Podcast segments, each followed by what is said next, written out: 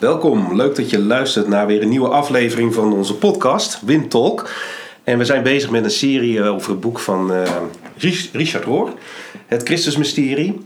En we zijn in het, het, tweede deel van het boek beland. En we gaan, vandaag gaan we de diepte in, uh, Wim. Ja, zo heet het hoofdstuk ook letterlijk. Hè? Ja. Dus even kijken, de, de dingen in hun diepte, om het zo maar eens even te noemen. Ja, want we zijn de vorige keer eigenlijk hebben we een soort tussenhoofdstukje gehad tussen deel 1 en deel 2 van het boek. En toen Roor, eh, heeft Roor aangekondigd: eh, Ik wil je graag een, een, een Christus of een Jezus laten zien die je kan naleven. En het ging dus ook echt over het leven van Christus. Hij had het over de komma in de geloofsbelijdenis. Misschien moeten we daar nog eventjes op terugkomen, zodat we een beetje een aanloopje nemen naar dit hoofdstuk. Ja, ja, ja. dit is even geleden, Ja, even, graven. Ja, wat mij nog bijstond van, van ons vorige gesprek is dat er zo'n grote kloof zit in de uh, geloofsbelijdenis van Nicea, daar had hij het over. Tussen, uh, uh, nou ja, Christus is geboren uh, uit de maag Maria en dan, komma, hij heeft geleden onder Pontius Pilatus en dat hele leven van Jezus, dat komt in die hele geloofsbelijdenis niet voor. Hmm. Nou, daar heeft Roor zich uitermate over verbaasd en wij met hem.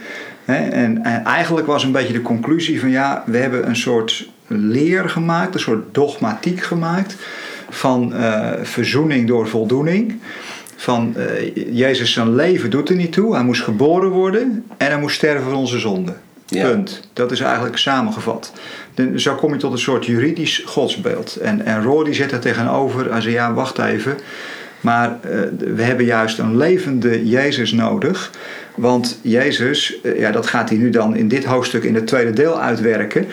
Uh, Jezus als levend persoon en als volledig mens is een soort voorbeeld, een soort prototype van de tweede Adam die wij mogen navolgen. Ja. En uh, ja, dan, uh, dan is het geen komma, maar dan zit er een heel verhaal tussen. Ja, en ook belangrijk, dat vanuit de vorige keer herinner ik me ook dat hij zegt, ja, en dat moet je wel ook binnen, nou een kader is misschien een groot woord, maar vergeet ook die Christus niet, hè? het boek heet ook het Christusmysterie, dat je zowel Jezus als de Christus, en de Christus dat gaat over dat alles in het grote geheel bij elkaar hoort. He, wij zijn toen ook eigenlijk tot onze verbazing op een punt gekomen van, nou, dit lijkt toch ook wel op universalisme wat hij zo heel duidelijk neerzet, want dat heb je nodig om überhaupt tot volkomen menswording te kunnen komen. Dat brede kader. Ook, Ja. Daar zien we ook weer wat van terug in de diepte van de dingen die eh, in dit hoofdstuk eh, Ja. naar komen. Hè? Ja, hij zegt eigenlijk uh, van ja, Jezus is een beetje een, een huiselijk type. Dus het is een soort huiselijke.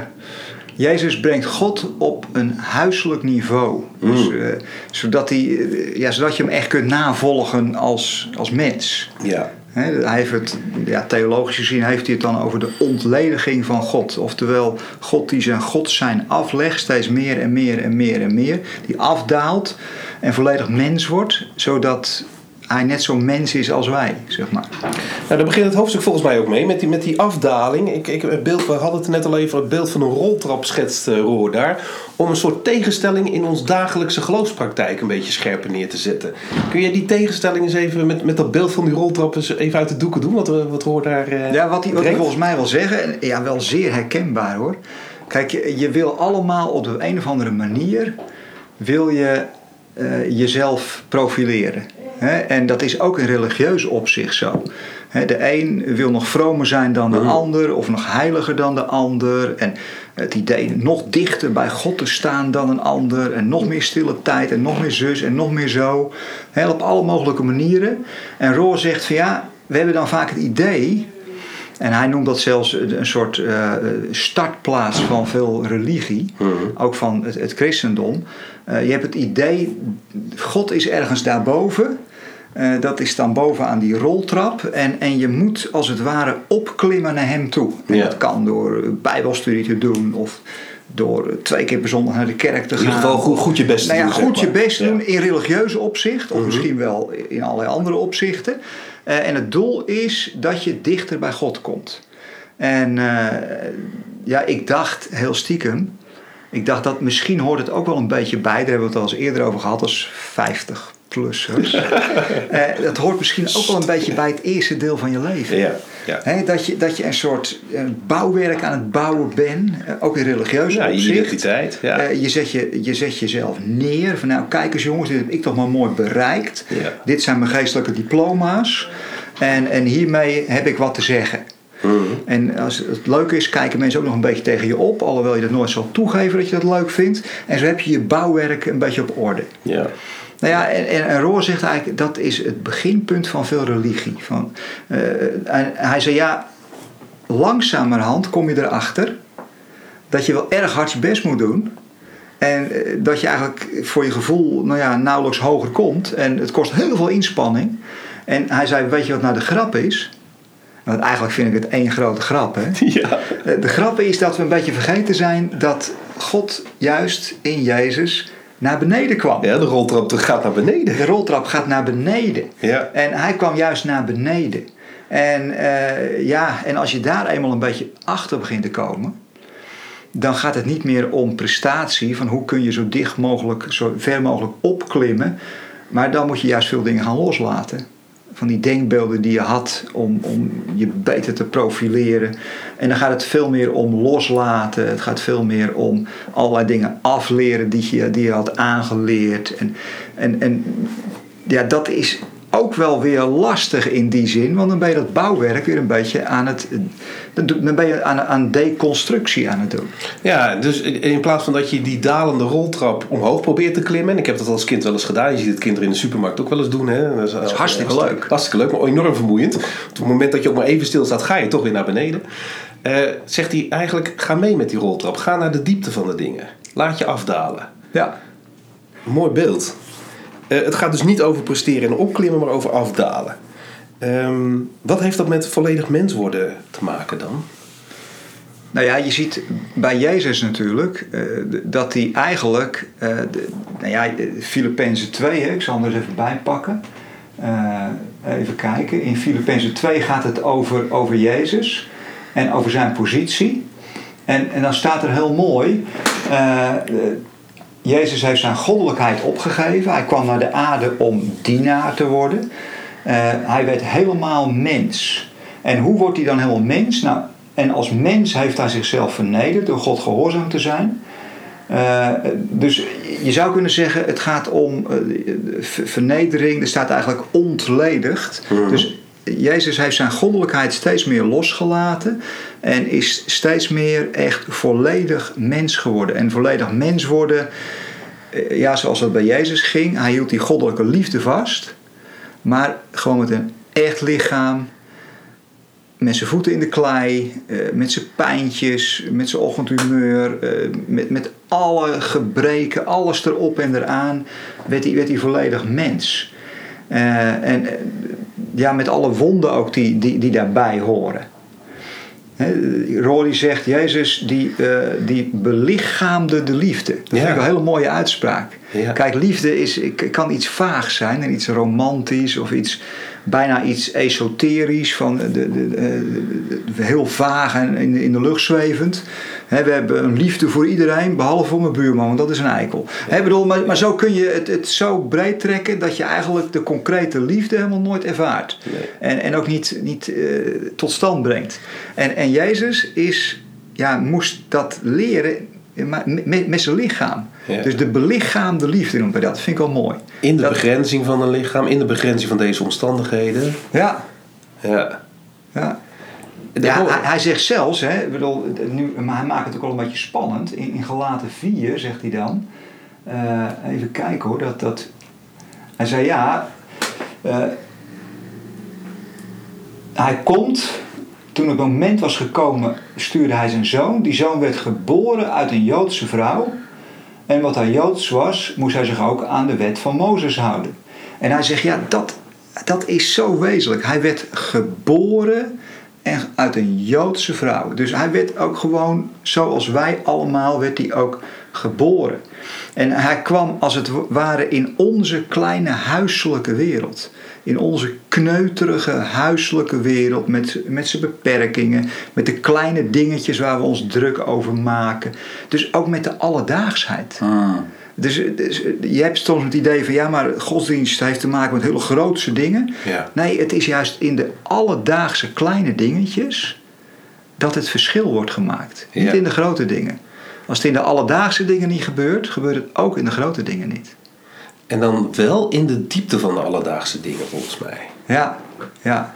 Want hij schetst dan op een gegeven moment, hij noemt het een soort goddelijke routekaart. Hè? Van hoe je dan je leven zou kunnen leven als je naar Jezus kijkt, die volkomen mens is geworden. Hoe ziet zo'n routekaart er volgens Roor dan uit, die goddelijke routekaart? Ja, jij had hem volgens mij al heel mooi uitgetekend net.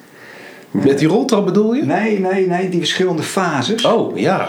Eh, die had jij wel mooi op, eh, in, in, een, in een schema gezet. Ja, dat begon met. Oh, nou begrijp ik wat je bedoelt. Dat begon, hadden we het net even voordat we de podcast ging opnemen, hadden we het erover. Dat het begint met wat jij net noemt, die geboorte, dat dat een, een conceptie is in het verborgene. Ja, Dus elk mens ontstaat in het verborgene. ja. Dat is, dat is stap 1, zeg maar. Ja, dat is de eerste stap. Ja, nou ja, weet je, ik denk dat dat hoort natuurlijk. Ja, ik denk wel eens. Je kunt je leven lang een beetje blijven leven. Ja, Jezus ook de eerste 30 jaar was natuurlijk min of meer in het verborgen natuurlijk. Hè?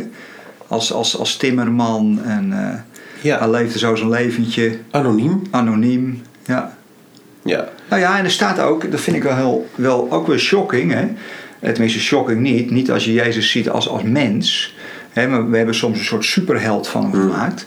Maar er staat natuurlijk in Hebreeën 4, vind ik wel heel mooi. Er, er staat eh, dat, dat Jezus die moest ook gehoorzaamheid eh, leren. Ja. Net zoals we het allemaal moeten leren.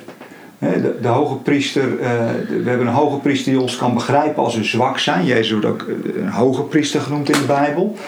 Eh, want hij, heeft op dezelfde manier als wij met kwaad te maken gekregen.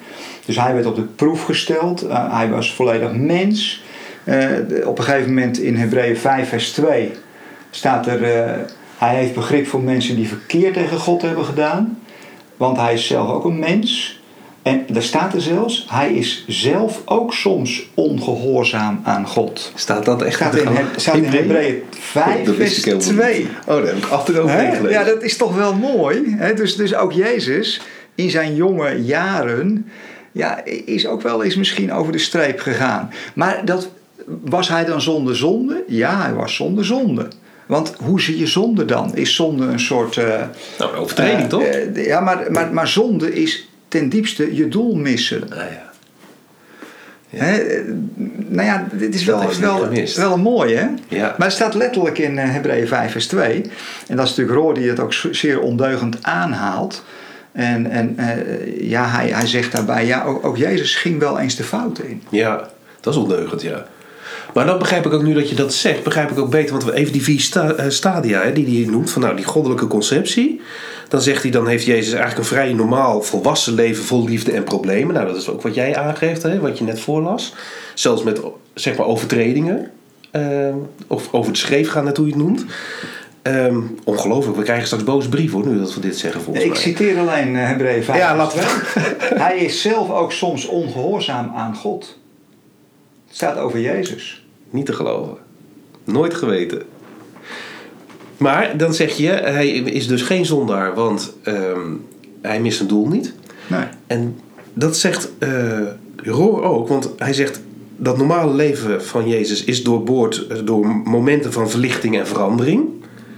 Dat hebben wij ook in ons leven. Er zijn speciale momenten waarop je een stukje verlichting of een stukje transformatie meemaakt. Maar dan dat laatste, de glorieuze opstanding en de finale terugkeer. En Roor zegt, daar is dat Christusmysterie zo belangrijk in. Dat ligt namelijk voor ons allemaal zo vast. Dat er dus een, een glorieuze opstanding is en een finale terugkeer voor eigenlijk niet alleen ons, maar voor zoals de hele schepping. Met andere woorden, je zou kunnen zeggen, wij zijn dus ook geen zondaars. Want wij missen ons doel ook niet. Nee, nou ja, en dat, dat ga je zien als je op, het op een gegeven moment gaat zien. Hè, dus, nou klinkt je als eh, kruif. Ja, maar dat is ook een beetje Cruyffiaans. Kijk, je kunt, eh, ja, net toevallig, ik, ik ben ook allerlei andere boeken aan het lezen. En eh, eh, ik ben net toevallig de bespiegelingen van Schopenhauer aan het lezen. Schopenhauer is trouwens ook, die heeft een heel eh, artikel geschreven over, over de hel, Schopenhauer. Even een klein zijstapje, hoor, lieve luisteraars. Eh, en die zet zich daar fel af tegen het idee van een, eh, van een, een eindeloze straf of een soort hel. Moet je even uitleggen wie Schopenhauer is? Oh, Schopenhauer is een, is een- filosoof uit de 19e eeuw. De- Je leest voor je vrije tijd gewoon filosoof. hij, hij heeft een zeer. nou ja, hij, hij is een beetje een, een optimistische pessimist. Maar hij heeft een heel leuk boek geschreven over eh, bespiegelingen. Het is een ontzettend leuk vakantieboek ook. En het gaat over bespiegelingen van de ziel. En, en daarin beschrijft hij eigenlijk allerlei praktische levenswijsheid. Eh, de- de- maar die Schopenhauer, en waar was ik nu ook alweer in mijn verhaal? Oh ja, nou ja, hij schreef dus over de hel. Hij zei dat dat is niet te verenigen met de christelijke God. Hij zei dan, dan hou je niks van een, een, een liefdevolle, eh, vergevende, genadige God over met dat concept. Want practice what you preach. Als je predikt dat je onvoorwaardelijk moet liefhebben en dat je moet vergeven, maar je doet het zelf uiteindelijk niet, eh, dan ben je volledig ongeloofwaardig. En, en daarmee zette hij eigenlijk het christendom van zijn tijd ja, eh, op, een, eh, ja, op een, een, een, vrij heftige manier eh, buitenspel. Hè, dus eh, daarom heeft het christendom hem ook buitenspel gezet. Zo werkt dat dan vaak dan ook weer. Hè. Eh, de- waar waren we ook weer gebleven? Nou ja, dat een zijpaadje. Nou, dat, dat dus Eh, belangrijk is om dat einddoel in, in de gaten te hebben. Dus juist voor je dagelijkse praktische leven, zoals dat ook beschreven wordt van het leven van Jezus, hè, die vier eh, Ja. elementen die ja, hij net ik noemde, ben er weer. Dacht ik van ja, dat is dus voor ons ook heel Ja. belangrijk om dat vast te kunnen houden. Om ons eigen volkomen leven te leven. Ja, nee, zeker. Ja, en, en hoe zie je dat dan in, in, het, in het klein? Hè? En toen kwam ik bij Schopenhauer uit. Schopenhauer die zegt van ja, maar eigenlijk, wat bepaalt nou je mens zijn, zegt Schopenhauer. En, en eh, Rohr past daar naadloos in. En ook het Bijbelse denken, want daar gaat het ons uiteindelijk om natuurlijk. Eh, het, het uiterlijke, het, wat uiterlijk op je afkomt, rijkdom of armoede of weet ik het allemaal niet, dat bepaalt niet wie jij bent, zegt Schopenhauer. Jouw identiteit wordt bepaald van binnenuit door je geestesgesteldheid. Roor zou zeggen, eh, door je menswording. Eh, je zou kunnen zeggen, door eh, Jezus te gaan navolgen in zijn menswording. Ja. Eh, daardoor wordt je identiteit wezenlijk bepaald. Hij zei, zo kun je dus hele rijke mensen hebben die zich te pletter vervelen en heel ongelukkig en arm zijn.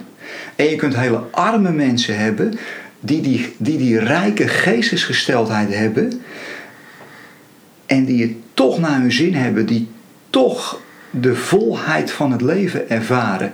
Terwijl je uiterlijk rijke mensen kunt hebben die de leegheid van het leven ervaren, omdat ze zelf wezenlijk leeg zijn. Ja. Nou, dat past eigenlijk naadloos. Dus zie je, het is een prachtige vakantielectuur, Ja. Eh, dat past naadloos bij wat, wat Roor hier ook aangeeft. En wat, en wat natuurlijk eh, eh, ja, helemaal.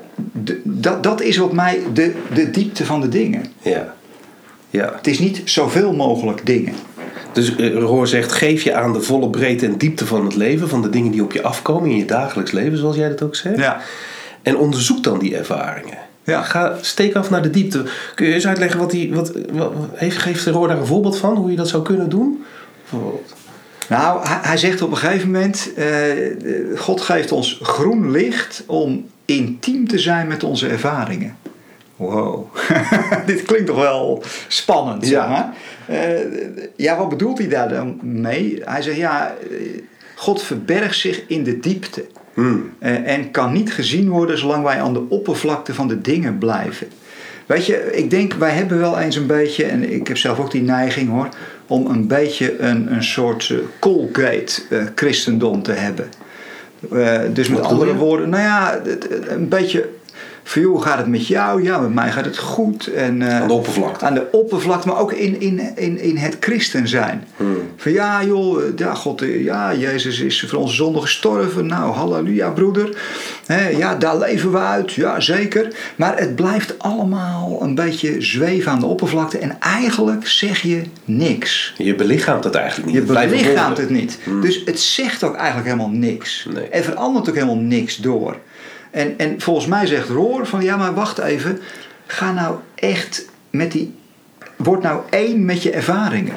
Ja. Dus blijf niet op een afstand van die ervaringen. Maar ga daar ook echt in mee. Ik, moet, ik moest heel erg denken aan, ja, wij zitten natuurlijk alles bij, net in de, in de zomervakantie, we komen net uit een druk schooljaar, maar in het onderwijs hè, heb je ook zo de nodig dat leerlingen ehm, bij hun ervaringen kunnen blijven stilstaan, omdat ze, je wil graag dat ze leren van fouten die gemaakt worden. Niet alleen van de positieve ervaring, maar ook van de negatieve ervaringen. Maar daar is het heel belangrijk, heb ik geleerd in het afgelopen jaren weer, ehm, dat ze zich veilig voelen, dat ze er niet op afgerekend worden. Dus op het moment, als je die parallel doortrekt, op het moment dat je weet, jongens, het loopt uit op een glorieuze opstanding, ehm, dan is het veilig om bij je ervaringen stil te blijven staan en te kijken van wat kan ik daaruit leren. Want als dat niet zo is, dan heb je juist de neiging om die maar zo snel mogelijk achter je te laten, die negatieve ervaringen. En er misschien dus te weinig van te durven leren. Omdat je zo snel mogelijk weer een, iets positiefs wil neerzetten. En je wil weer de volgende treden op die neergaande roltrap Ja. be- beklimmen. Ja, ik vind het eigenlijk wat jij zegt wel een noodzakelijke aanvulling inderdaad. Want je, je kunt alleen maar, misschien dat rood, dat bedoel ik met dat groen licht. Hè, groen licht wil zeggen, Het is veilig. het is veilig Zij en staat op groen. je wordt er nooit op afgerekend. Ja, wie durft kwetsbaar te zijn als je weet dat je erop afgerekend wordt? Precies. Ja, en Dan, eh, hel is nogal een afrekening. Ja, dat is de ultieme afrekening. Hmm. Maar goed, zo hebben we vele vormen van afrekening natuurlijk bedacht, ook in het schoolsysteem. Ja, durf je eerlijk te zijn als je weet, ik word erop afgerekend. Ja, precies. En, en ja, hij zegt dan, ja, zelfs in de diepte van onze zonde. Dat, dat vind ik wel een mooie. Eh, dus ook al ben je soms op de een of andere manier in de fout gegaan. Ik moest daar onmiddellijk denken aan eh, Jezus aan het kruis. Want toen kon hij het plotseling ongelooflijk goed vinden met die moordenaar. Mhm. dacht ik van, nou ja, die was dus op dat moment, voelde, toen hij toen die dat contact had met Jezus, voelde hij kennelijk groen licht. Ja. Om te zeggen van, wacht even, ik kan nu intiem zijn met deze ervaring. En gewoon vergeving vragen aan Jezus. En hij kreeg het. Dus hij, hij was daar gewoon helemaal aan het einde nog mens. Dat is wel een bijzondere uitleg, want ik heb altijd een beetje zoals ik ernaar keek. Was het van nou, die moordenaar probeerde op het laatst nog even zijn eigen hachje te redden. Door vergeving te vragen. Jij Ja. zegt iets heel anders eigenlijk. Nou, ja, ik denk dat je alleen maar wezenlijk vergeving kunt vragen als je eerst ervaren hebt wat je hebt gedaan. Dus dan ben je niet je hachje aan het redden, maar je bent eigenlijk, ga je door het hele proces heen. Ja. Want als je alleen maar je hachje wil redden, ja, dan, Is het weer alleen maar woorden? ja, dan is het alleen maar woorden. Ja. En, en, Jezus je pakt dat, en Jezus pakt het volgens mij op in zijn diepte. Ja.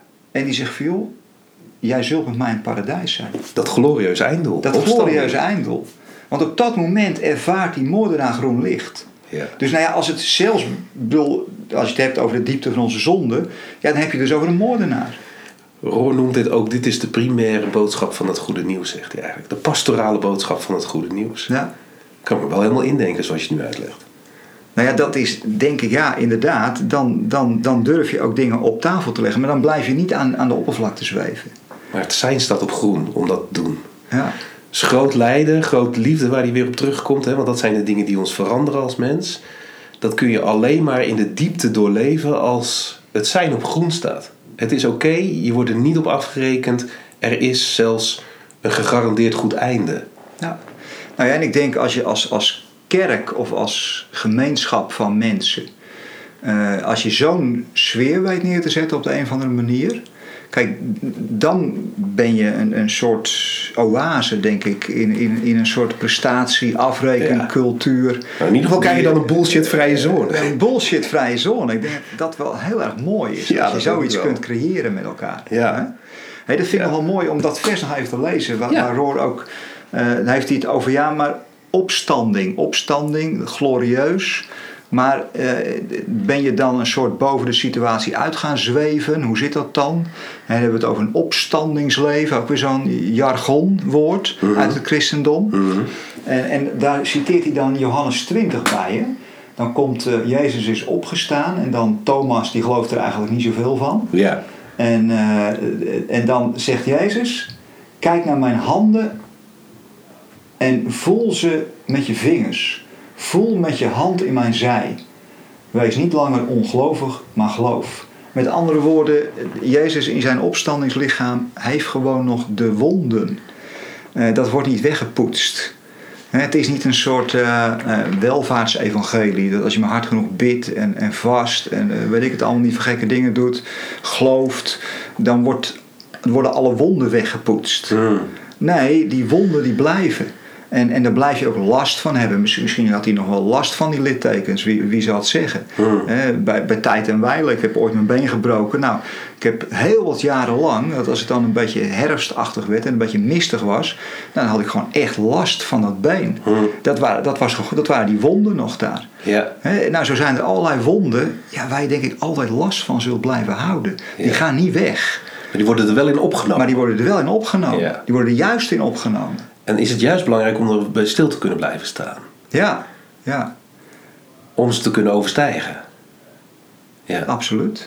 ja. Nou ja, en, en in die zin zegt Roor denk ik ook dat groot lijden, die wonden, ja, die, die, die brengen je verder in je mens zijn. ja. Soms schudden ze je ook wakker uit een soort oppervlakkig geneuzel, zeg maar. Nou, hij zegt ook, het, het zijn de enige dingen die je ego echt opzij kunnen zetten. Je, je ego die, die die roltrap weer wil beklimmen en, Ja. en, en beter wil zijn. En, Ja. en hij zegt ja, grote liefde, groot lijden. Waarbij groot lijden toch ook meestal volgt op grote liefde. Dus als je je ergens aan verbindt, eh, als je intiem wordt, we maar zeggen. Ja, dat is grote liefde, maar dat levert vaak ook groot lijden op. Ja. Omdat je kwetsbaar wordt. Ja. Misschien is dat wel het wezenlijke van mens zijn. Je verbinden. Ja. En, en je gaat je eerst, eh, nu spreek ik even Ron na, je gaat je misschien eerst heel veilig verbinden eh, met een huisdier of, of, met, eh, de, of met de natuur. Of, en, en langzamerhand leer je je te verbinden uiteindelijk misschien wel met mensen. En, en, hè, en, en zo kom Ja. je verder in, in die verbinding. Ja. En dat is hartstikke kwetsbaar natuurlijk. Roor zegt wel, dat is wel eh, eh, de originele boodschap van, eh, van christendom. Dat we gemaakt zijn om deze wereld lief te hebben en te vertrouwen. Dan moest ik aan denken toen jij dit net zei. Dat ik dacht van ja, dat is dus wel ons doel als mensen. We, we worden ook wel eens rentmeester genoemd. Maar dat gaat eigenlijk over vertrouw die wereld nou. Die is je gegeven. Heb hem lief. Eh, de, het is een gebroken wereld. Maar ehm, eh, ga, ga- ja, ga daar, ga daar ja, in ieder geval niet. Wat wij dan vaak doen is het omgekeerde. Wij gaan die wereld beheersen omdat we hem eigenlijk niet zo vertrouwen. En gaan hem dan vervolgens uitputten enzovoort. Hè. Alle ellende die we natuurlijk nu om ons heen zien met milieu, vervuiling en klimaatramp en dat soort dingen. Maar dat is dus eigenlijk omdat we de wereld misschien niet genoeg vertrouwen. Ja. Nou ja, en, en misschien dat we, eh, dat we ergens zijn blijven steken nog een beetje in, in, ons, in ons mens zijn. In, in, in die zin, eh, ik, ik, misschien, ik denk dat je als, als mens ook een soort egoïstische fase hebt. De- nou ja, hebben we het over dat eerste helft van, je, van je leven. Dat- dat moet haast Je wel. bent dat ego aan het opbouwen. Ja. Nou ja, misschien dat we als, als mensheid een beetje in, in de puberteit zijn blijven steken. Dus we zijn enorm dat ego aan het opkrikken. Ik, ik, ik geef bijvoorbeeld les over nou ja, geschiedenis, zoals je wel weet. Dat, eh, ja, dat, dat die koningin van alle vakken. Ja, ja. Ja, waarin ook de wiskunde natuurlijk Ik dienstbaar verslik is. me daar net in. Ja, nee, dat is, het is heel vervelend dat Peter nu uitgebreid begint te maar eh, je, ziet dat natuurlijk ook in, eh, in de geschiedenis, dat bijvoorbeeld heel veel ideologieën ook in die puberteit blijven steken. Neem een ideologie als het communisme bijvoorbeeld. Wat natuurlijk in theorie, nou ja, hartstikke christelijk is, zou ik bijna zeggen. Want communisme wil zeggen dat je het gemeenschappelijk doet. Karl Marx, het is niet voor niks dat Karl Marx eh, uit een uh, komt. Hè. Al zijn voorouders waren rabbijnen. Eh, zijn, zijn grootvader was een hele beroemde rabbijn zelfs. En Karl Marx zegt, ja, we moeten een soort paradijs creëren waarin iedereen wezenlijk gelijk is. En waarin alles en iedereen gelijk is. Ja, wie kan daar wat op tegen hebben? Hij zei wel, we hebben nog een tijdelijke tussenfase. Zeg dat de, de puberteit. Waar we als complete mensheid een beetje in zijn blijven hangen, denk ik. En de puberteit is, want mensen snappen dit nog niet. En de puberteit is dat er even een sterke staat moet komen. Oh ja. Die alles naar zich toe trekt. Alle productiemiddelen, fabrieken, alles moet even bij die staat komen. En dan gaat die staat ervoor zorgen dat de mensen worden opgevoed in die gelijkheidsidealen. En op het moment dat mensen het begrijpen, heft de staat zichzelf op. En is iedereen gelijk. Dat was het Nou, doel. Dat was het doel. Dat is het doel, uiteindelijk het doel van het marxisme-communisme. Also, maar wat is het tragiek van de geschiedenis van het communisme? Het is altijd blijven hangen bij die sterke staat. Want op het moment dat er een sterke staat was geregeerd, gingen de leiders van die staat hebben dat nooit meer uit handen willen geven. macht corrumpeert. Ja. Nou ja, zo denk ik wel eens dat op het moment dat wij als mensen in de puberteit zijn gekomen, we hebben gedacht van jongens, we kunnen die wereld naar onze hand zetten. Het, het kan nog meer en nog beter en nog groter en nog verder. En, en ja, zijn we daarin een beetje blijven hangen. In die, in die heerschappijgedachte. En we zijn aan het loslaten niet meer toegekomen. We hebben, we hebben een imperium gebouwd, een soort toren van Babel met elkaar, met elkaar gecreëerd. Het, het lijkt ook heel erg op het verhaal van Adam en Eva, zit ik net te denken.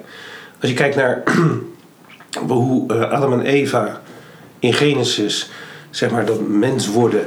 eh, dat ze uiteindelijk de, de, overtreden, de, toch van die appel eten. Dus zo, hè, ze gaan over de schreef, om het zo maar te Ja. zeggen. Dan krijgen ze opeens, dat vind ik ook heel mooi, dat God dan vraagt: Mens, waar ben je? En dan worden ze aangesproken, er wordt een appel op ze gedaan om eigenlijk meer ja, die volwassen vrijheid te pakken van ja, kom tevoorschijn, mens. Hè, wat Ja. wij eigenlijk ook elke keer vragen: van waar ben je? En dan vervolgens zie je later in het verhaal dat, dat, eh, dat die twee broers hè, dat elkaar eh, er eentje doodslaat. Dan gaat dat beheersen gaat dat beginnen. Maar we zijn dus blijven steken in die, in die puberfase als mensheid. Dat, dat geloof ik steeds meer, ja. Dat we daar zijn blijven steken. En, kijk, en, en, en Roor zegt op een gegeven moment, hè, hoe kom je daar nou uit? Hoe kom je nou uit die puberfase? Nou zegt hij, als je je gaat verbinden, als je gaat aanraken. Dus als je concreet, heel concreet, eh, het, de pijn en het lijden gaat aanraken. Eh, bijvoorbeeld die collega die ziek is, of, Ja. of, of die vriend van je, of die buurman. Als je daarin gaat stappen en je gaat het aanraken, je gaat je daarmee verbinden, eh, dan kom je eigenlijk langzaam uit die puberteit. Eh, Ja. Misschien moet je nog wat explosieve functies aanleren, maar d- daar zijn we met school mee aan het rommelen. Maar dan kom je langzaam zeker uit die puberteit, want dan maak je de weg vrij naar compassie en begrip, zegt hij. En compassie en begrip, dat heb je nodig om dat, om, om dat ego van je te bestrijden. Ja, En dat, dat is uiteindelijk sterker dan het ego. En toen dacht ik, ja, waarom als westerse wereld proberen we met Turkije een deal te sluiten om de vluchtelingen daar op te vangen? Mhm. En we sluiten een deal met, met Libië om de vluchtelingen daar al op te vangen. En we sluiten met iedereen deals, zodat ze maar niet op onze stoep komen. Zodat, we ze niet, zodat we ze niet hoeven aan te raken. Zodat, we geen, zodat ze geen onderdeel van ons bestaan hoeven te worden. Eh, maar ja, dan hou je de puberteit wel eh, volop in stand. Ja, wat dus ook nodig is, is dus dat je dan, zeg maar vanuit die volwassen positie, ehm, het, de grip op de goede afloop loslaat. Je kan dat niet beheersen. Je kan alleen maar zijn, en net zoals je hem noemt, van, nou, bij die collega die ziek is, ernaast gaan staan, het aanraken, je mee verbinden. Maar je kan niet eh, eh, zorgen dat er een goede afloop is, want dat heb je helemaal niet in de hand. Dat, dat, dat aanvaard je ook op dat moment. Ja. Er is geen grip op. Nee. Dus dat loslaten is wel een hele belangrijke erbij. Ja. In het vertrouwen dat het wel oké is, Ja. de afloop. ja, zeker. Zeker. Ik denk dat we de- wat dat betreft een ongelooflijke hoopvolle boodschap hebben. Hè? Als je kijkt naar de crisissen die elkaar opvolgen. Ja. Eh, vluchtelingencrisis, klimaatcrisis, energiecrisis, Oekraïne-crisis. Nou, noem al maar op. Het is één grote crisis. Hè? Als je zo, ja, dan ben ik heel blij dat we een open wereldbeeld hebben. Geen gesloten wereldbeeld. En, en, en dat er uiteindelijk, maar dat, dat noem je natuurlijk geloof. eh, dat er uiteindelijk een, een, eh, dat het goede overwint. Ja. Ik geloof dat Simone Weil, die zei dat eens, een Joodse filosoof, die zei: Er is eigenlijk in ieder mens, soms diep verborgen, een onverwoestbaar gevoel dat het goede uiteindelijk zal overwinnen. Ik zeg, maar ja, dat is natuurlijk misschien wel het goddelijk DNA in ons, Ja. het, de Christus in ons. Ja. Het goede zal het. Want als je, als je dat niet meer kunt geloven. Ja, jongens, dan, dan ga je toch ten onder aan al die crisissen. En dan is het eh, na mij de zonvloed. Laten we eten en drinken en vrolijk zijn en dansen op de, op de, op de Titanic eh, voordat hij op de ijsberg stuit. Eh, want dan heeft het ook allemaal niet zoveel zin meer. Dus dat is het mooie. Het, het goede zal uiteindelijk overwinnen. En ja, daar is wel wat goddelijk ingrijpen voor nodig, misschien hier en daar. Het, het geeft dus ook echt een patroon voor ons dagelijks leven. Ehm, dat grote einddoel. Want eh, Roor zegt het ook. Hè? Hij zegt, kijk, God houdt van de dingen door ze te worden. Hè? Dat is een thema wat uit het vorige hoofdstuk al naar voren Ja. kwam. Het reïncarnatiebeeld, zeg maar. En hij zegt, en wij houden van God door dit patroon vast voor te zetten. Dat is precies wat jij net zei. Met die collega die ziek is. Ja. Je, je wordt niet de ander, maar je verbindt je wel met de ander. Ja. Je blijft erbij. ja, en het mooie is, jij zelf verandert daardoor. Ja.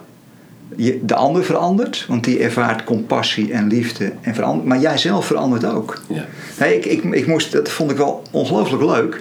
Ik, ik zat eh, naar die documentaire te kijken, altijd in de voorbespreking even over, hè, over de Dalai Lama en Oh ja. eh, Desmond eh, Tutu, die elkaar samen ontmoeten. Hè, de ultieme Wonderlijk ontmoeting. stel. Wonderlijk stel. Aan de ene kant eh, de, de leider van, eh, van, van, van het boeddhisme. De, de, en, en aan de andere kant een, een, een groot voorvechter eh, van het christendom, hè, bisschop eh, Tutu. Maar toch konden ze elkaar eh, heel goed eh, vinden samen. Eh, dat vond ik wel heel erg mooi. Wat wil ik hier nou mee zeggen? Nee, Jij ging, ik had het over, over dat je je kan verbinden met de ander. En dat je dus eigenlijk zo het werk van God voortzet. Ehm, en toen zei je, ja, dat herken ik in dat verhaal van Tutu. Ik, wil, ik, wilde hier iets mee zeggen, maar Oh, het, is, het, is, het is net vakantie, lieve mensen. Dus ik, ik kom er zo weer op terug. Maar dat was wel een fantastisch verhaal met die twee. Die, die herkenden zichzelf zo in elkaar. En, en mooi dat je, dat je de- samen gingen ze de, de diepte in. Hè, natuurlijk waren ze het over heel veel dingen misschien niet eens, maar eh, wezenlijk konden ze elkaar in hun mens zijn en in hun compassie en hun begrip konden ze elkaar vinden. Ja, want jij ging, Ja. je ging zeggen van dat verandert jou en de ander. Heb je dat in die documentaire misschien teruggezien? Dat het ook hen samen veranderde? Hoe ze waren? Nee, nee. Dat ik- was de ik- aanleiding. Ja, dat, was de Ik, ik, kom, ik kom er zo misschien weer op terug. Nou ja, En, en misschien als je aan het luisteren bent, je denkt van joh, hou Ik snap bij. het wel. Luister, ik snap het wel. Laat het ons rustig weten, hè, want wij staan open voor, voor van alles en nog wat. En als het ons niet aanstaat, doen we er gewoon niks mee. Hè, dat begrijp je. je zei trouwens in de voorbespreking dat Tutu ook echt een universalist is. Dat vind ik wel een, een, een belangrijk om nog even aan te raken. Ja, ja, ja. Hij heeft een heel leuk boek geschreven. Ja. Eh, ja, daar ben ik ook mee bezig, eh, een beetje. Maar ja, daarin schrijft hij ook van ja jongens, maar dat kan niet anders. Hmm. God, God is een God die onvoorwaardelijk van, van iedereen houdt. Ja. En, en hou op alsjeblieft met, met eeuwige hel en pijn en straf. Als er al straf is, dan, dan is het natuurlijk om, je, om, om uiteindelijk de boel beter te maken. Ja. En niet om het nog slechter te maken. ja. Ja. Nou, eh, dan terug naar Roor, want die, eh, in, midden in dit hoofdstuk haalt hij dat zelf aan. Als ik het goed in het Nederlands vertaald heb, want ik lees de Engelse versie, eh, schrijft hij: Als je je realiseert dat Jezus letterlijke opstand. Peter, ik weet het weer. Weet je het weer? Wat ik wilde zeggen. Oh. Yes! Kijk, leuk als we dat nou in één keer opnemen, dan, dan komt het er allemaal dwars doorheen. Nou is Peter zo zijn verhaal weer vergeten. Nee, wat ik wilde, tijdens die documentaire... Ja. Kijk, eh, het, het was natuurlijk christendom, boeddhisme, nou, alles nog wat kwam er langs. Maar er was ook, er was ook een wetenschapper bij. En, die en, en beide, Desmond Tutu, maar ook Dalai Lama, die zeiden... Ja, maar onderzoek nou wat wij zeggen, ook wetenschappelijk. Klopt het wat wij zeggen? Neurowetenschap, van alles en nog wat. En wat hebben ze gedaan, die, die wetenschappers? Ze hebben gekeken, ze hebben een proef gedaan. eh, en bij mensen, eh, twee, twee soorten proefpersonen. Ja, ze hoorden bij wetenschap. Hè? En, en de ene groep, die, die moest een neutrale activiteit ondernemen. Eh, de- gewoon een neutrale activiteit, weet ik het wat. En daarna werd hun eh, geluk gemeten. Mhm. En de andere groep, die moest iets doen voor een ander. Oké. En daarna werd het gemeten. Wat heeft dat voor effect op de hersenen? En wat blijkt nu? Dat effect op de hersenen, dat was enorm. De groep die iets moest doen voor een ander, die, die had, ja, nu kan ik het niet zeggen zoals die wetenschapper dat zei, maar die, die, die had het, het immuunsysteem werd er beter door. Eh, de, zelfs de fysieke gezondheid werd er uiteindelijk beter door. En de levensverwachting nam er ertoe. Dus als je het hebt over. En dat is dus puur wetenschap, hè? Dus Dus, kennelijk echt. zitten wij echt als mens zo in elkaar dat we geschapen zijn voor compassie met een ander. En als je die compassie afsluit, ja, dan doe je jezelf ook op allerlei manieren wezenlijk tekort. En je wordt er letterlijk zelf beter van op allerlei manieren als je compassie toont naar een ander. Dat is toch, dat is toch En bizar. niet alleen mentaal, maar ook gewoon eigenlijk fysiek. Gewoon Zelfs fysiek word je Ja. daar beter van. Jeetje. En wetenschappelijk gezien weer zeiden ze mensen die dat niet doen en puur in dat egoïstische blijven steken en hebben, hebben en meer hebben en meer hebben, ja, die worden daardoor ook mentaal kwetsbaarder, maar ook fysiek kwetsbaarder. Dus dat is, ja, vond ik wel Leuk. zeer opmerkelijk. Nou ja, je hebt dus nu gelijk, eigenlijk heb je gelijk antwoord gegeven op de vraag die ik ging stellen. Want mijn vraag was, even met een korte inleiding. Roor zegt, we leren steeds beter in deze tijd de diepere betekenis te zoeken. In de, eh, en eigenlijk zeg je dus, met bijvoorbeeld, hij haalt ook de wetenschap aan. En verhaal, dat verhaal wat jij net had over die wetenschapper. We komen in deze tijd er steeds dichterbij bij ehm, het onderkennen van de diepere, diepere betekenis van dingen. En wat die met je doen als mens. En waar- Ja. Waarvan je dus net een mooi voorbeeld geeft. Ja, ja. Ja, hij noemt wat, wat voorbeelden, het enneagram. En, eh, dat, Ja, ja, ja. nou, ik, ik ken ken dat, dat allemaal niet goed. persoonlijk. Nee, nee. Hè, ik weet wel dat iemand als David Heek is er erg mee bezig. Misschien, misschien zeg, eh, luister, misschien zegt je naam je iets. Maar die, eh, die, die noemt zichzelf zelfs enneagram specialist. Dus, maar dat, dat schijnt te maken hebben met, met allerlei persoonlijkheden en hoe het dan precies Ja, werkt. Myers-Briggs, ja. ja. Maar ja, nou ja, ik kan me wel voorstellen dat dat, dat dat hartstikke behulpzaam is om op die manier eh, beter de, de diepte in te Nou, kunnen volgens gaan. mij noemt hij zelfs ook eh, kwantummechanica. over, over dat we in de wetenschap ook steeds dichter bij eh, de diepte van de dingen. En naar de kleinste deeltjes Ja. te kijken. Dan ga je natuurlijk al de diepte in. Maar dat dat heel wonderlijk is hoe het in elkaar zit, de werkelijkheid. En dat het op allerlei niveaus raakvlakken heeft. En hij zegt, er, is, er moet dus een manier zijn om zowel hier te zijn als in de diepte van hier. Ja, En dat verbindt hij volgens, vervolgens weer aan, aan de begrippen van Jezus en Christus. Kun je, want dat is wel jouw vlak. ja, ja de kwantummechanica zou ik niet Ja, de grote uitspraak over doen. Want geen dan, vraag moet, dan moet Peter me later weer corrigeren. Nee. Met allerlei vliegende energiedeeltjes en lichtstralen. Maar eh, ja, vind ik wel subliem hoe hij dat doet. Hoe hij dat mooi, mooi samenbrengt. En ik denk ook wel eens, ik zat toevallig een artikel te lezen eh, in de Uitdaging, een evangelisch maandblad. Op de een of andere wonderlijke manier krijg ik dat nog steeds toegestuurd. En er stond een heel eh, anti-artikel eh, over Roar in, hè, Oh. ook over dit boek. Oh, En, en volgens mij heeft die persoon eh, het boek niet goed gelezen. Want die beticht Roor van een soort gnostiek. Nou, daar zet hij zich nou juist keihard tegen af. ja. En, eh, Dat doet hij zelfs letterlijk. Maar die, ja, ja, ja. En, en, en die zegt, ja, Roor die, die wordt allemaal vaag met zijn Christus. En, eh, dat is dan een soort eh, de New Age. Nou ja, eh, nee, eh, ook niet. Eh, hij, het is, het is, ja, New Age is Old Age en is Ever Age. Want de Christus ja, is gewoon... in hem leven en bewegen wij ons. D- dat soort elementen zitten volop in het Bijbelse denken. En in het Oude en in het Nieuwe Testament. Dus als je dat New Age noemt, ja, nou ja, dan moet je de hele Bijbel New Age noemen. Eh, hoe je het ook noemt. Maar het blijft wel de Bijbel. Maar in ieder geval, wat Roor heel mooi doet is... eh, hij zegt van ja, je hebt eigenlijk twee elementen. Als je kijkt naar Jezus... Huiselijk, God op mensenniveau, de ware mens, de belichaamde liefde, met zijn beperkingen, eh, met zijn fouten soms, eh, met de dingen waar hij tegenaan liep, honger, dorst, verlangens. Jezus haalt ons naar het hier, naar de dingen zoals ze zijn, met al hun beperkingen. Dat, dat is, is Jezus. En eh, dat is ook de kracht van incarnatie.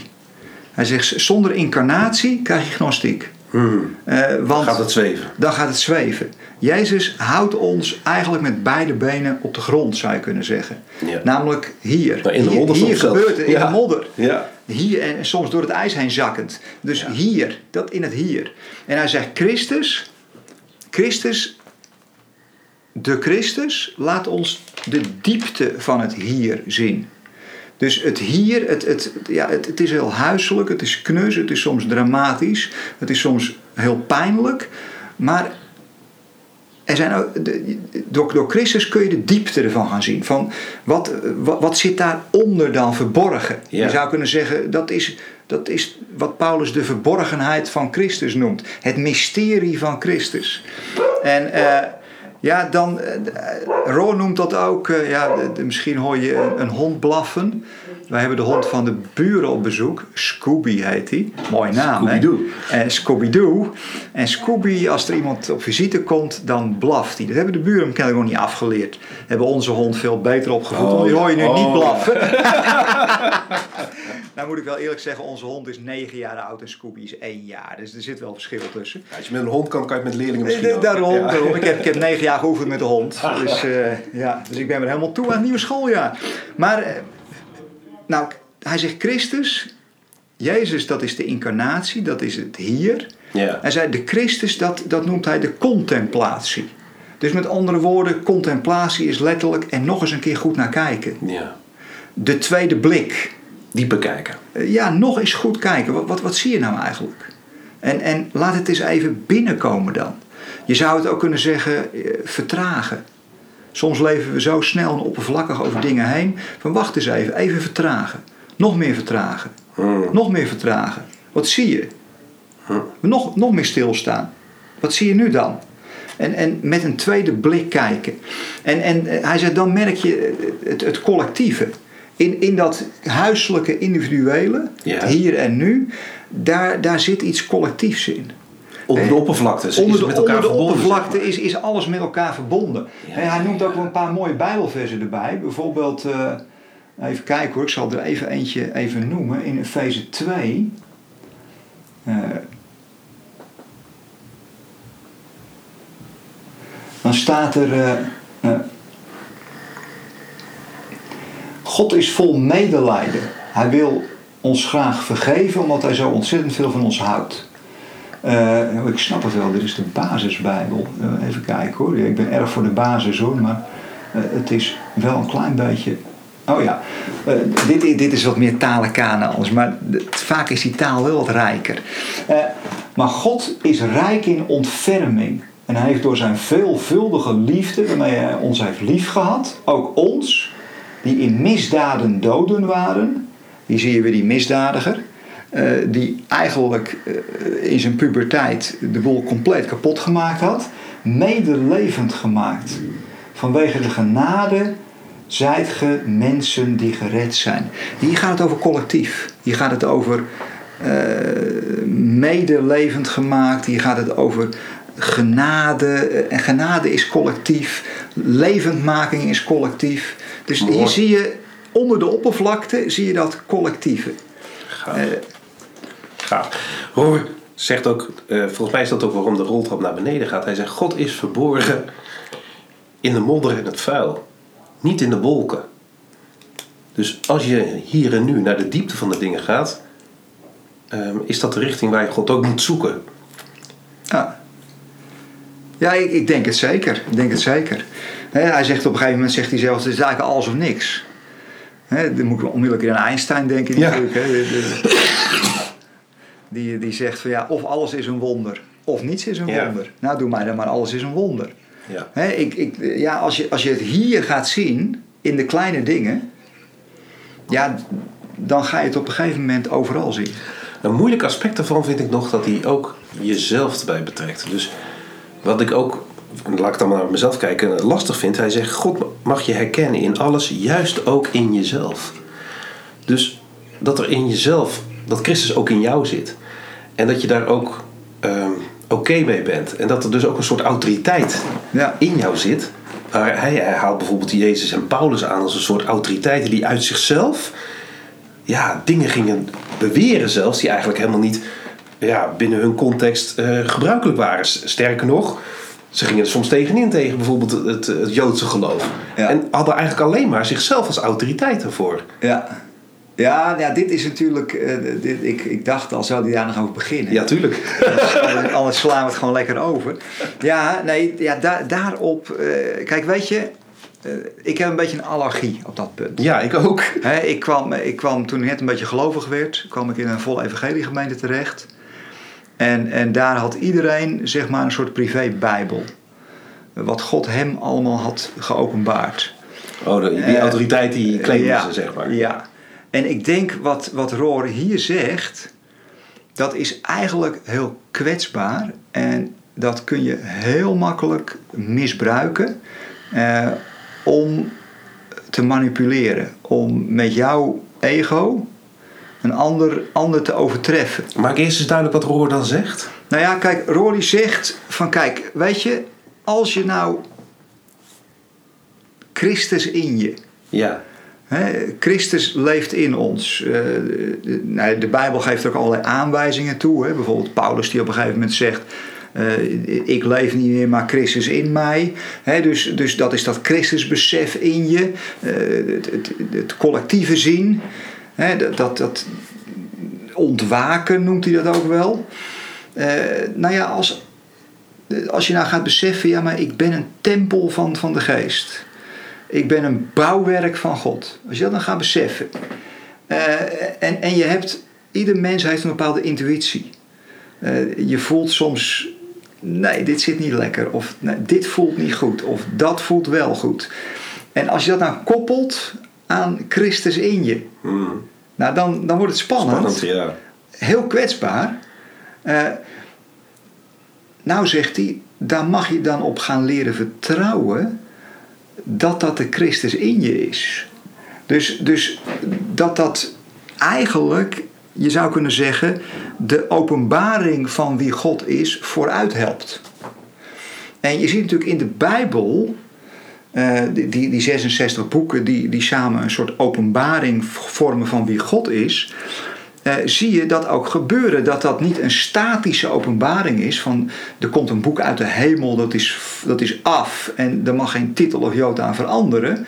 Nee, het is een levende openbaring die door mensen wordt geschreven. Door de hele Bijbel heen schrijven mensen hun, de dingen die ze ervaren over God en van God, schrijven ze op. ja. Dus het is niet alleen Jezus en Paulus, het, het is David, het, het is elke, elke profeet.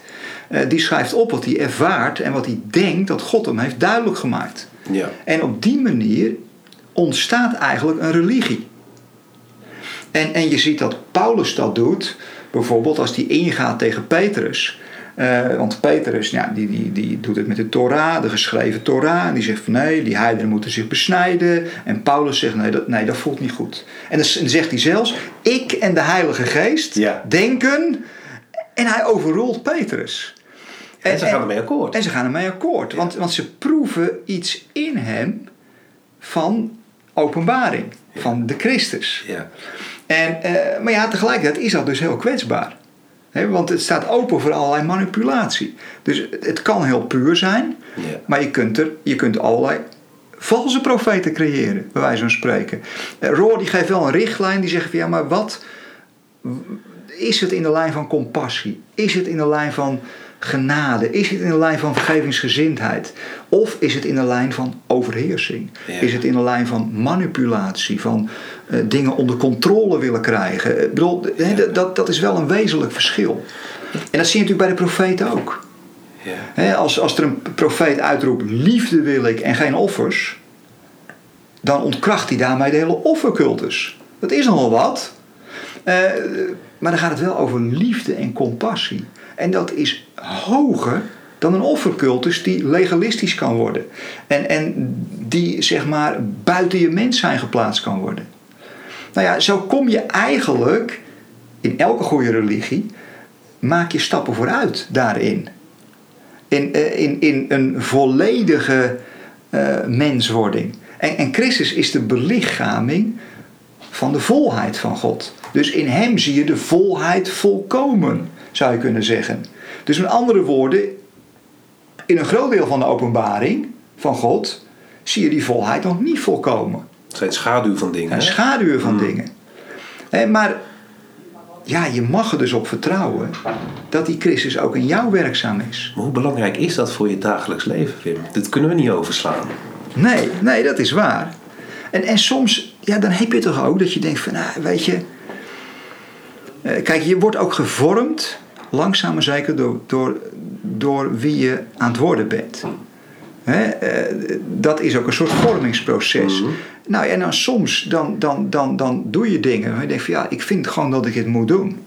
Maar dat heeft alles met jouw vorming te maken, met de Christus die in jouw gestalte krijgt. Ja. Nou, dan ben je op dat moment een onderdeel van die Christus. Ook voor een ander. Als het vanuit die compassie en vanuit de Yes. verbinding gebeurt. Maar, dat, maar daarom is het zo spannend wat hij hier aanraakt. Ja. Want het is heel puur en het is ook noodzakelijk. En het is de basis van elke volwassen religie. Eh, zeker ook van het Jodendom en Christendom. Eh, dus het hoort er helemaal bij. Alleen, ja, je kunt het zo makkelijk ook misbruiken. Ja. Ja, en er is ook een andere kant. Jij zei net eh, dat je vindt van jezelf, ik moet dit doen. Maar dat is niet het moeten van verplichtingen. Het gaat eruit, je bedoelt dan denk ik, het moeten vanuit die compassie. Vanuit een soort innerlijke overtuiging. anders krijg je weer die stem van ik moet eigenlijk dit en ik moet eigenlijk dat. Nee, vanuit een soort innerlijke overtuiging. Ja, ja. B- een heel klein voorbeeldje. Ja, het slaat natuurlijk nergens op in dit grote verhaal. Maar ik had een, eh, een, een, een herexamenleerling, ik ging derde tijdvak doen. En ik had zoiets van, ja, weet je, het is een leerling die nog nooit hoger heeft gehaald dan een 5,5. En, en dat moest ze ook minimaal halen voor het examen. Ik dacht, ja, hier moet ik gewoon, gewoon tijd in gaan steken. Want ik, dat moet gewoon kunnen lukken. Eh, belachelijk veel tijd. Maar het is wel gelukt. Ja. Nou, dat geeft zo'n diepe voldoening. ja. Nou is het maar een heel klein, pietsepeuterig dingetje hoor. Maar, maar zo heb je soms dingen van je zegt van ja, vanuit een soort innerlijke drive, niet vanuit een soort legalistisch moeten, vanuit een schuldgevoelcomplex, maar vanuit een soort innerlijke drive. Roor noemt drie woorden daarin, die drijf. Hij zegt dat is respect, dat is verwondering en dat is een soort achting. Dat is dat laatste gedeelte van dit hoofdstuk. Die drie woorden, ik weet niet hoe ze in het Nederlands precies, maar het is respect, wonder en reverence. Dat dat de drijfveren zijn die jou in je dagelijks leven ehm, ja, dat groen licht geven om nog een tweede keer te kijken. En alles wat respect en achting oproept, is Christus voor ons op dat moment, zegt hij. Ja, ja. ja, dat vind ik wel heel mooi. Want dan hou je het ook heel klein en het kleine maakt je groot. Ja. En, en respect, zegt hij, dat is eigenlijk alles wat ervoor zorgt dat jij een tweede keer ergens naar gaat kijken. Ja. Dat je denkt van, wow, dit is gaaf. ja. Eh, Hij noemt dat ook het voorbeeld trouwens. Hè? Een toegewijd docent, dat noemt hij letterlijk als voorbeeld. Een Ja. toegewijd docent. Wat je net beschrijft is een toegewijd docent. ja, Die met het hart voor die leerling denkt, ik ga daar nog eens tien uur extra in steken. ja, ja. Ja, wel mooi dat hij zegt van ieder object dat respect oproept, is voor ons op dat moment de Christus. Dus het kan ook een object zijn. Hè? Het kan een mooi kunstvoorwerp zijn. Of het kan een concert zijn waar je bent. Dat je denkt van, Zo hebben wij nooit naar de wereld laten nee, kijken nee. eigenlijk. We hebben eigenlijk het altijd in hokjes verdeeld. Dit is geestelijk en dit is niet geestelijk. En, en dan gaan we naar de kerk en dan in, in dat uurtje moet het gebeuren. En, en daar is God. Ja. En dan gaan we weer En dat ging, dagelijks ja, en dan gaat het over mensen, laat staan Ja. dieren, laat staan eh, de dingen. Ja, alles. Als je, eh, we zitten net voor de vakantietijd. Nou ja, je, je- prachtige omgeving waar je bent. Dat je denkt van wow. Dus Ja. dat, dat is de crisis op dat moment voor jou. Hij noemde een vlucht spreeuwen in de lucht, noemt hij. Zo'n Ja. wolk met spreeuwen. Ja, gaaf. Ik heb het ook wel eens gehad, dat je daarnaar kijkt. Ik, ja, als je s ochtends naar school toe fietst, dan kom je dingen tegen die je dan... Ja, die, die, dat wonder en die achting. Hè, de eerbied eigenlijk is een beter woord. Ja, eerbied. Eerbied Ja, voor ja, dingen ja. die bestaan. Ja. Ja. Ja, hij haalt Thomas Merton aan. En, en dan een prachtige zin. Als je zo kunt leren kijken, dat ik denk dat je dat echt moet leren hoor. Eh, Dat, dat noemt hij die contemplatie. Hè? Nog eens een tweede keer kijken. Als je zo leert kijken, dan zegt Thomas Merton: voor hen is de poort van de hemel overal. Ja. Dan is de poort van de hemel overal. Dan, dan is eigenlijk die scheiding opgeheven tussen wat wij dan het geestelijke en het natuurlijke noemen. Eh, Dan wordt, denk ik, soms wel eens eh, dat hele kerk zijn wordt heel, wordt, wordt heel anders. Eh, De poort van de hemel is overal. Ja. Ja, en hij vertaalt het weer, hoor, die vertaalt het door. Hij zegt, iedereen die zo met zo'n zo'n tweede contemplatieve blik kan kijken... zegt hij, met respect naar de wereld kan kijken... die zijn in Christus. Ja. Ja. Ja, dat is prachtig toch? Ja. Maar dan heb je, nou ja, dat, dat vond ik dus ook heel mooi eh, tussen de, die ontmoeting tussen de Dalai Lama en Desmond Tutu. Ze waren allebei zo enorm in Christus. Ja. Dat respect, die contemplatie, die verwondering, die eerbied, die ze ook voor elkaar hadden trouwens. Eh, ja, gewoon in Christus. Prachtig, hè? Dus, dus Roor zegt in dit hoofdstuk, luister eens... je hebt groen licht, om dat toch tot beeld maar even te gebruiken. Je hebt, je hebt de vrijheid, het groene licht... om te respecteren wat recht voor je neus staat. In je dagelijks leven. Ja. Ja, en om, om daarmee ook gewoon te worstelen en daarmee de diepte in te gaan. In alle openheid en in alle respect. En, en je wordt daar meer mens door. Ja, en je wordt volledig thuis in deze wereld, Ja. zegt hij. Ja, je bent helemaal geworteld in de wereld. Zoals Jezus dat was. Ja. Nou ja, dat, dat vind ik wel mooi, die uitspraak. Hè? We zijn helemaal in de wereld, maar we zijn niet van de wereld. Je, je, je hebt ook dat, dat diepere, dat- die verbinding. Ja. Het, het is allebei even reëel en werkelijk. Ja. Ja, dat doet mij dan op het eind van het hoofdstuk toch nog weer even aan Bista. Daar ben ik dan nu aan het lezen. Die Ja. zegt, volwassen vrijheid, mens worden, een ik worden, laat ik zo maar zeggen. Dat is nog niet die identiteit. Dat komt eigenlijk daarna. Wat ga je, hè, je bent iemand, maar wat ga je daarmee doen? Want dan komt het erop aan. Hoe ben je als mens? Niet wie ben je, maar hoe ben je? En dan ben je als de Christus. Dan ben je als Jezus. Als je zo op deze manier naar de dingen kan kijken. Ja. En dan zegt hij ook, belangrijk daarin in die volwassen menswording, hè, uit die puberteit komen, is dat je realiseert dat je in de wereld bent, maar niet in het centrum van de wereld. Dan zeggen wij zo vaak, het, eh, het draait niet om jou. Maar Bij, bij, een puber draait het om hem. Ja. Hè? ja. En dat is, dat is ook goed voor En dat is goed, hè? Dat is goed. Ja, maar inderdaad, op een gegeven moment moet je, ja, nou ja, moet je daaruit zien te komen. Ja. Eh, en, en dan moeten in de zin van eh, volledig mens worden. En dan is het dus de kunst dat je als volwassene, als volwassen christen, laten we het zo maar even zeggen, in die spanning kan blijven staan. Omdat je, je, gaat, niet- je hoeft niet te vluchten ervan, je hoeft er ook niet mee te gaan vechten. Nee. Om, er, om het onder controle te krijgen.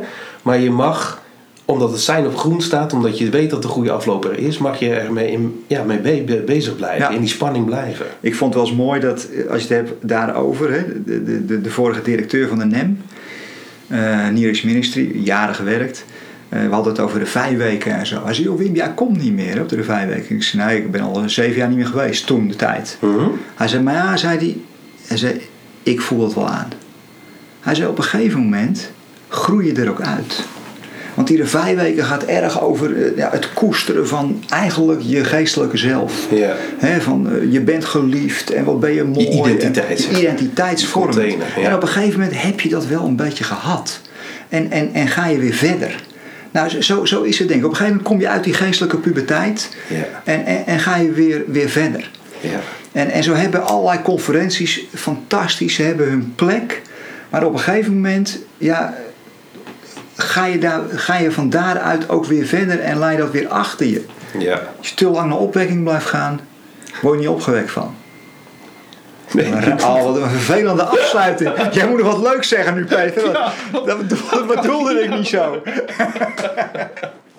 Nou ja, misschien moeten we even vooruitkijken dan. want Daar worden we altijd blij van. Ja, laten we Want we hebben nog best wel wat hoofdstukken te gaan. En een van de spannende hoofdstukken, nou dat we er weer de diepte in zijn geweest, is eigenlijk het volgende hoofdstuk. En het volgende hoofdstuk, beste luisteraar, je zal het niet geloven, maar het gaat over Maria. Over de vrouwelijke incarnatie. En Ja. ik als protestant heb me daar nog nooit mee bezig De gehouden. vrouwelijke kant van God gaan we het de volgende keer over hebben. Ja. Dit Dus- gaan we nog heel lang uitstellen in de podcast. Die Nee. tillen we over de vakantie. En die duren bij ons heel lang, die vakanties. Nee, maar dat, ja, dat is wel dat is een heel spannend hoofdstuk. Ik heb het al, eh, natuurlijk alweer eens even doorgelezen. Ik dacht van wow, hé. Wat gaan we daarover zeggen? Ja, Ja. dit, eh, dit gaat wel weer voor, voor wat, eh, wat, wat nieuwe verwarring zorgen. Altijd leuk. En met deze cliffhanger zien we je graag terug bij de volgende podcast. Tot de volgende keer. Fijne weer. vakantie. Fijne vakantie.